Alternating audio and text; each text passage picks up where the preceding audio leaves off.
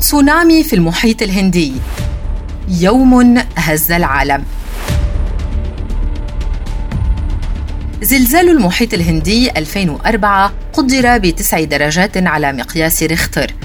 وقد ولد تسونامي أدى إلى مقتل 300 ألف تقريبا من البشر.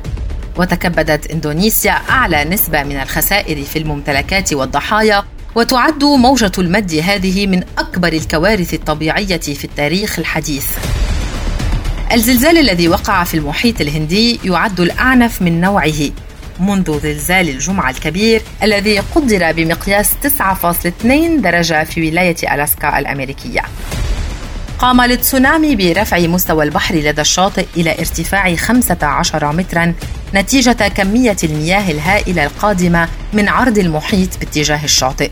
وكانت إندونيسيا، سريلانكا، الهند وتايلاند من أكثر المتضررين من موجة المد لقرب هذه الدول من مكان الصدع الأرضي.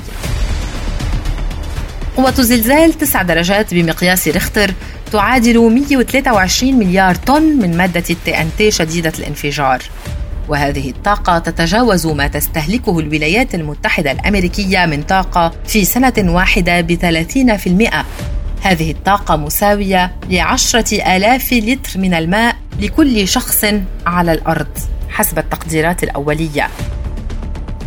فإن أكثر من 160 ألف فقدوا حياتهم نتيجة موجة المد وعشرات آلاف الناس المفقودين وأكثر من مليون شخص أصبحوا بلا مأوى. كما أن ثلث الموتى كان من الأطفال. وتقريبا أكثر من خمسة آلاف من السياح الأجانب الذين ارتادوا هذه الدول لتمضية فرصة أعياد السنة الميلادية. كان ذلك في السادس والعشرين من ديسمبر 2004